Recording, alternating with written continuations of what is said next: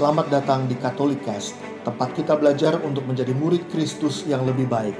Katolikas bertujuan membantu kita semua untuk semakin berakar dalam iman pada Yesus, bertumbuh dalam persaudaraan dengan semua orang, serta berbuah dalam berbagai karya kasih demi gereja, bangsa, dan sesama. Katolikas berisi cerita kesaksian dan refleksi hidup sebagai pengikut Kristus, katekese iman yang relevan dan praktis untuk hidup sehari-hari, serta dialog topik-topik kekinian dengan berbagai narasumber untuk memperkaya hidup iman kita semuanya. Selamat mendengarkan, Tuhan memberkati.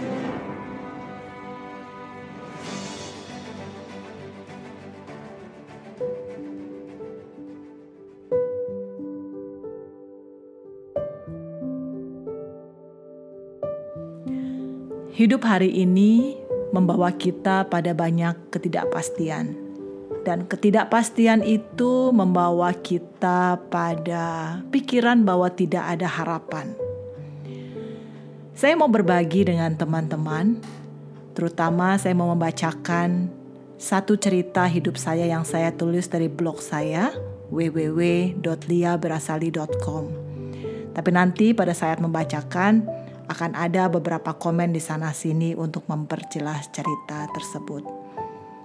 Cerita ini adalah cerita seorang anak perempuan yang selalu berpikir dia tidak pernah punya cukup akan apa pun, termasuk harapan, sehingga itu hampir saja merenggut nyawanya.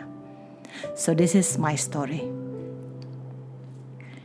Tadinya saya berpikir akan menjadikan cerita ini sebuah buku tapi dengan situasi dan workload saat ini, rasanya kok sebuah buku masih terlalu jauh untuk mewujudkannya. But it is too precious to keep it for myself. Ini adalah cerita perjalanan kehidupan dari seorang anak perempuan yang selalu berpikir bahwa ia seorang tuan putri. Tetapi dalam masa teenagersnya, masa youthnya, bahkan masa dewasa mudanya, dia melakukan berbagai macam kesalahan, sehingga akhirnya hidupnya menjadi jungkir balik seperti rock and roll. Lalu kemudian dia melangkah seperti orang berdansa, seorang anak perempuan berdansa tapi salah langkah sehingga akhirnya dia menginjak kaki banyak orang, terjatuh tapi kemudian ia sadar sebetulnya bahwa ia sedang berdansa dalam hidupnya. Konsekuensi-konsekuensi kesalahan itu membawa dia pada sebuah pengertian bahwa sebetulnya dia itu bukan seorang tuan putri. Itu hanya kebohongan. Kenyataannya, dia hanya seorang anak perempuan yang jelek, yang buruk rupa, yang tidak dicintai, yang tidak terlihat, yang kotor, yang berdosa, yang bahkan tidak diingini oleh siapa pun di dunia ini. Sebetulnya membutuhkan keberanian untuk men-sharingkan cerita ini dengan teman-teman semua. Tetapi seperti saya bilang tadi pertama kali, it is too precious to keep it for myself. Dan menuliskan cerita ini dan sekarang men-sharingkan cerita ini untuk teman-teman di podcast ini adalah satu cara untuk keluar dari diri saya sendiri, untuk keluar dari kesombongan saya dan menunjukkan kepada dunia betapa fragile-nya saya sebagai perempuan. Dulu bahkan sekarang dalam kondisi sedang berproses itu yang sedang terjadi kepada saya. Hanya karena kemurahan, belas kasihan dan rahmat Tuhan, saya dapat mencapai sampai hari ini. Ini akan menjadi sebuah cerita dari belas kasihan Tuhan dalam hidup saya.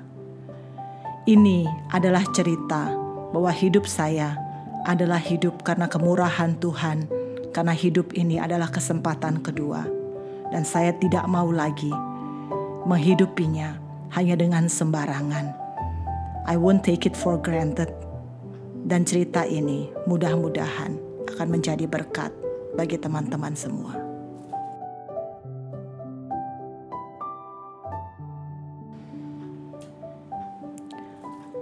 Angin sejuk menerpa wajah saya. Air dingin terasa di pergelangan kaki saya. Saya seakan terjaga dari tidur yang panjang. Dada saya terasa sesak. Ada rasa nyeri yang tidak tertahankan seperti menusuk dan menekan dada saya. Kepala saya juga terasa sakit dan pandangan saya terasa berputar. Mual dan ingin menumpahkan semua isi perut keluar dari mulut saya. Saya berpikir saya sedang bermimpi buruk. Tapi tidak, ini alam nyata. Ada di mana saya? Berikutnya yang saya rasakan adalah rasa takut karena melihat sekeliling saya yang, sekeliling yang tidak saya kenal. Pepohonan bakau, celana panjang yang basah hingga ke paha, dan saya melihat jam tangan yang melingkar di tangan kiri saya.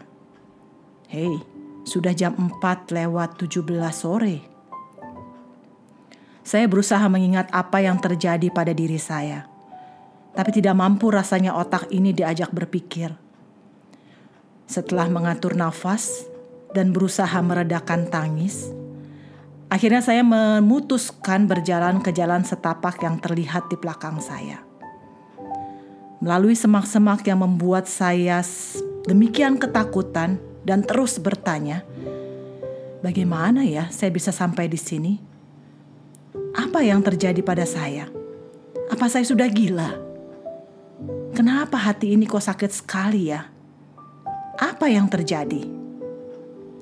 Tapi semakin saya berpikir, semakin tangisan saya tambah keras.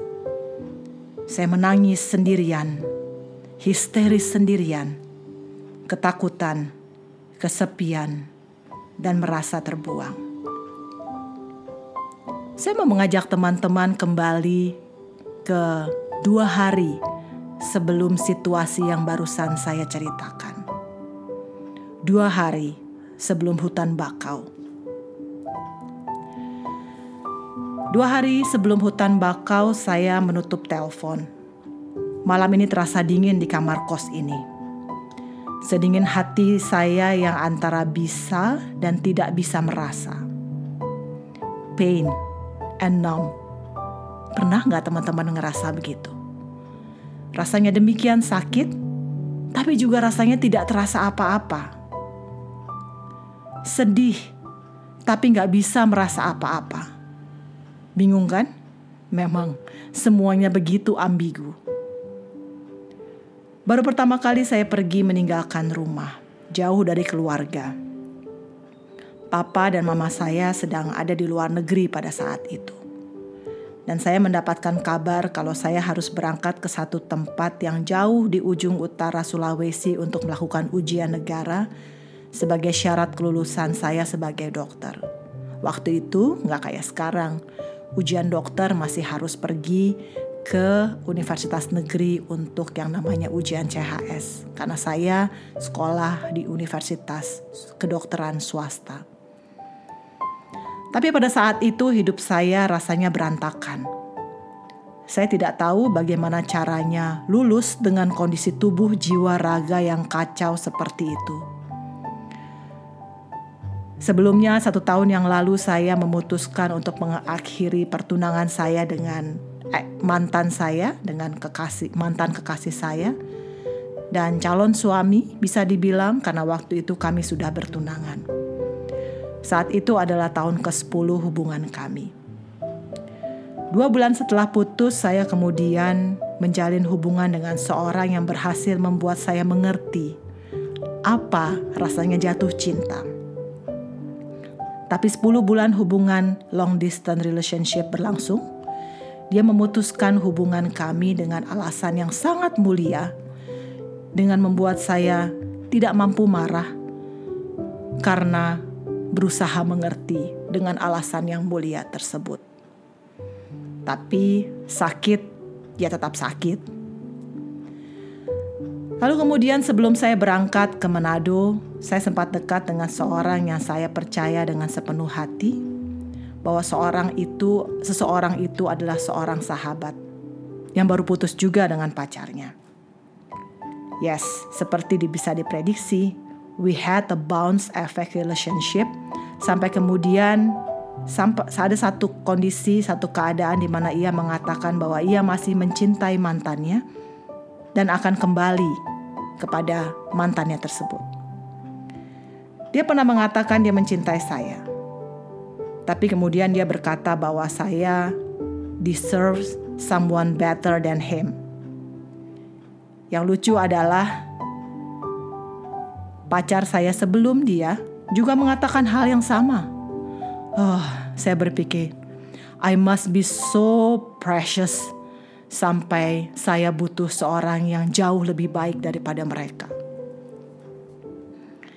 Setelah sahabat saya selesai mengucapkan kata-kata bahwa saya deserve someone better, saya malah merasa bahwa saya adalah seorang yang tidak berharga. Selama 10 tahun di hubungan saya yang pertama, saya mempunyai ketakutan. Itu sebabnya saya tidak mampu memutuskan hubungan kami selama 10 tahun. Ketakutan itu adalah tidak akan ada lagi lelaki yang mau sama saya yang bodoh, yang gendut, yang buruk rupa, yang tidak menyenangkan, dan begitu banyak predikat yang saya berikan kepada diri saya sendiri. Boro-boro jadiin istri, jadiin pacar pacar aja pasti seribu pangkat satu juta mikirnya. Hal inilah yang membuat saya mempertahankan hubungan saya sampai pada pertunangan karena ketakutan itu. Padahal saya tahu sebetulnya banyak ketidakcocokan antara saya dan mantan tunangan saya tersebut. And voila, the word you deserve someone better seperti jawaban kebenaran atas ketakutan saya. Yang artinya, tetap aja mereka nggak mau sama saya.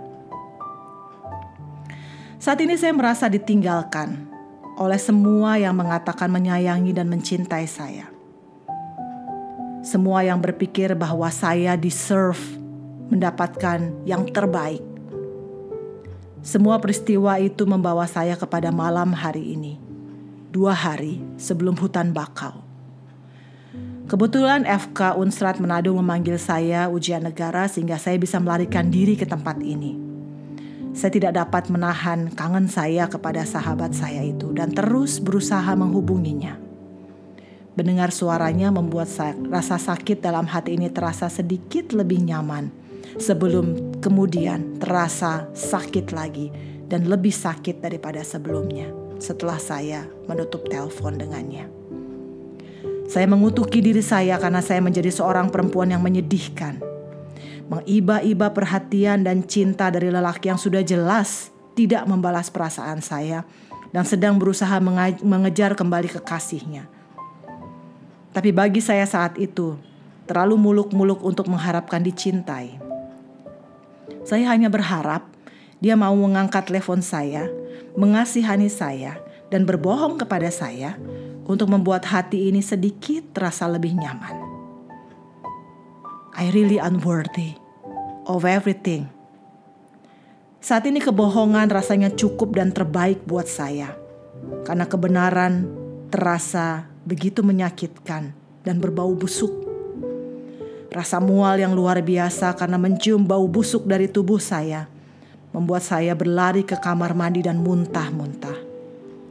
Dan saya kaget melihat ada bercak darah di dalam muntahan saya dan saya berpikir itu pasti dari lambung saya yang sudah lebih dari satu hari tidak ada isi makanan sekalipun. Saya kembali ke kamar, membuka sebuah plastik obat yang saya beli tadi siang dari apotik. Sebagian saya bawa dari Jakarta. Saya belum menjadi seorang dokter, tapi sebagai calon dokter yang hampir lulus membuat saya punya akses untuk mengambil belangko resep kosong dan membeli obat yang harus dibeli dengan resep dokter dalam jumlah sebanyak ini. Sekali tegak, rasanya cukup untuk membuat saya tidak bangun lagi. Tidur selamanya. Rasanya menjadi pilihan yang sangat masuk akal dan cerdas untuk keluar dari rasa sakit yang berkepanjangan dan tidak tertahankan ini. Saya memegang 20 butir obat itu di tangan saya, di kamar saya yang gelap. Sudah satu hari saya tidak keluar dari kamar ini. dan saya tidak punya rencana untuk keluar dari sini selamanya. Semua harus berakhir di sini saat ini. Kalau orang bilang saya kalah, biarlah mereka berkata begitu. Kalau saja mereka tahu bagaimana rasanya sakit di hati dan tubuh ini yang tidak tertahankan. Terbayang sih wajah mama dan papa saya tersenyum Lalu saya menangis sejadi-jadinya. Mereka pasti hancur dan sangat sedih. Dalam hati saya, saya minta ampun kepada mereka berdua karena membesarkan seorang anak yang gagal seperti saya.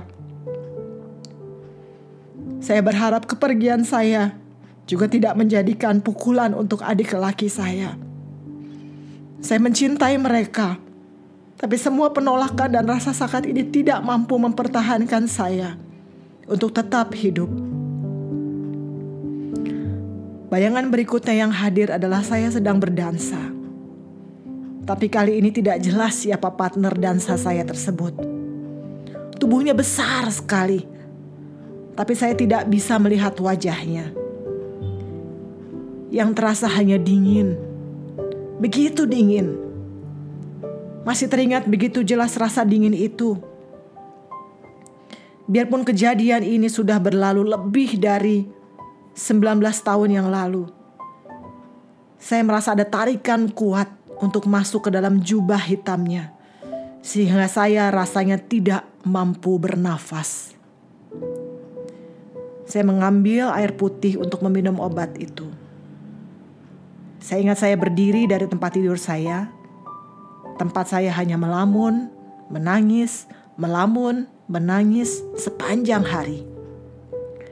Tiba-tiba ada tarikan yang begitu kuat untuk masuk ke dalam jubah hitam itu. Ada sebuah suara lembut yang sangat lembut dibandingkan suara tarikan kuat tadi. Tapi suara lembut itu seakan akan mampu bergema di kepala saya sangat lembut, sangat halus, tidak memaksa, nyaris tidak terdengar, hampir saja tidak terperhatikan oleh saya. Tapi ada percikan kehangatan di tengah tubuh saya yang sudah hampir membeku karena rasa dingin. Suara itu hanya mengatakan seperti ini: "Jangan minum sekarang, besok saja minumnya." Saya kaget waktu mendengar suara itu. Saya terduduk kembali di tempat tidur dan menunggu beberapa saat sambil menyadar, menyandarkan kepala saya di bantal karena saya sudah tidak mampu lagi menopang badan saya. Sampai akhirnya saya tertidur tanpa saya sadari.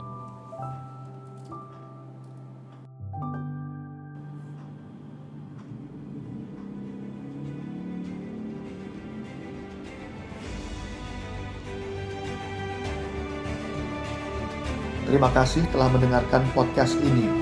Jangan lupa untuk berbagi Katolikes kepada para sahabat dan kenalan kita, supaya semakin banyak orang mengenal kabar gembira Tuhan Yesus dan mengalami kasihnya yang memulihkan, menguatkan, dan memberkati.